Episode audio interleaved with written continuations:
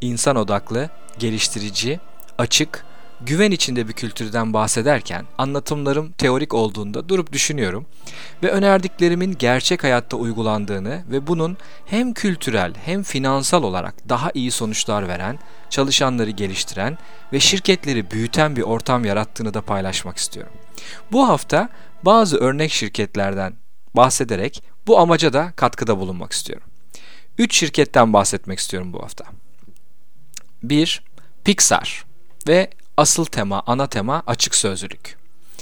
Yaratıcılık üzerine kurulmuş ve dünyaca ünlü animasyonlara imza atmış Pixar firmasını mutlaka duymuşsunuzdur. Yaratıcı fikirlerin uçuştuğu ve insanların doğrudan gerçek fikirlerini söyleyerek yapılabilecek uzun ve ayrıntılı projeler belli temel kültür özellikleri olmazsa mümkün olmazdı. Pixar'da Brain Trust odası diye bir yer tanımlanmış ya da bir toplantı tanımlanmış ve bu odaya ait kurallar paylaşılmış. Brain Trust ortak bir ajandayla bir araya gelmiş ve açık sözlülükle eşitlerine geri bildirim vermeye hazır bir grup insanı ifade ediyor. Bu odanın kuralları da şöyle. Geri bildirim yapıcı olmalı, geliştirici olmalı. Geri bildirim projeyle ilgili olmalı ve insanlarla ilgili olmamalı. Yönetmen geri bildirime karşı kişisel ve defansif bir tepki göstermemeli, gösteremez ve gerçeği duymaya hazır olmalıdır. Yorumlar her zaman önerilerdir, başarı reçeteleri değildir. Geri bildirimlerin herhangi bir hiyerarşik değeri yoktur.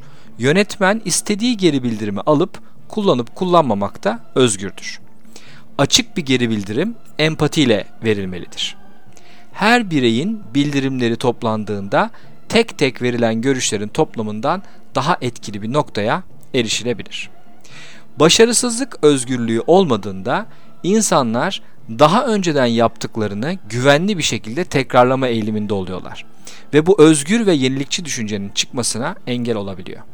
Deneysel yaklaşım ve dene ve yanıl yaklaşımı Pixar'da çok önemli bir kültür öğesi.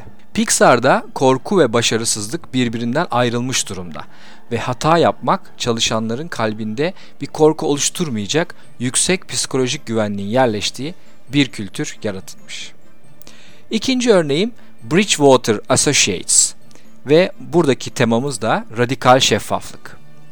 Ray Dalio'nun 20'li yaşlarında kurduğu bu finansal danışmanlık şirketi kısa sürede 1500 çalışanın üzerinde çıkan ve özellikle 2008-2009 finansal krizinde en başarılı yatırım performansını gösteren şirket olarak öne çıkıyor.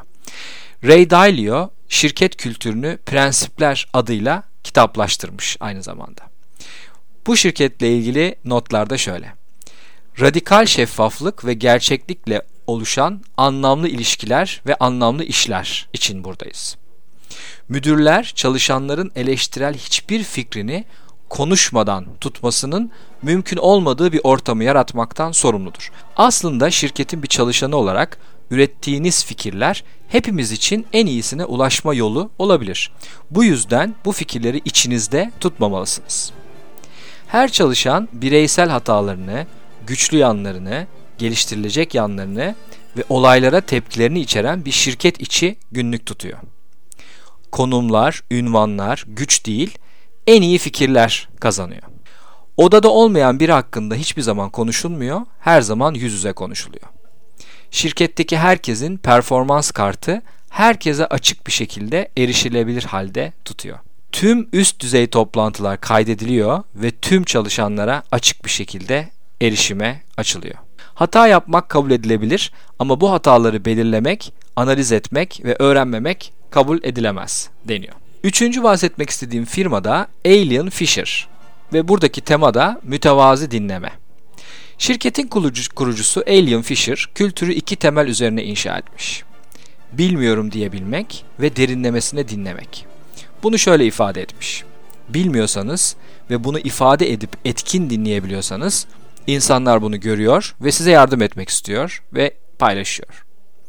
Bilmeden yönetmenin şu sonucu oluyor demiş Alien. İnsanlar kendi fikirlerini özgürce arıyorlar ve sadece onlara söyleneni yapma davranışında olmuyorlar. Toplantılar daire şeklinde oturarak yapılıyor ve her, her sandalye bir lider şeklinde adlandırılıyor. Toplantıda herkes rahatça konuşuyor.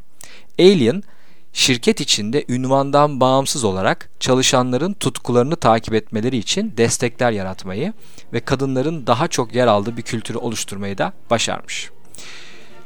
Görüyoruz ki büyüyen, gelişen insan odaklı kültürlerde farklı temalar var ve bu temalar farklı akarsuların denizde buluşması gibi insanın kendini iyi hissedeceği, insana yakışır şirket kültürünü oluşturuyor.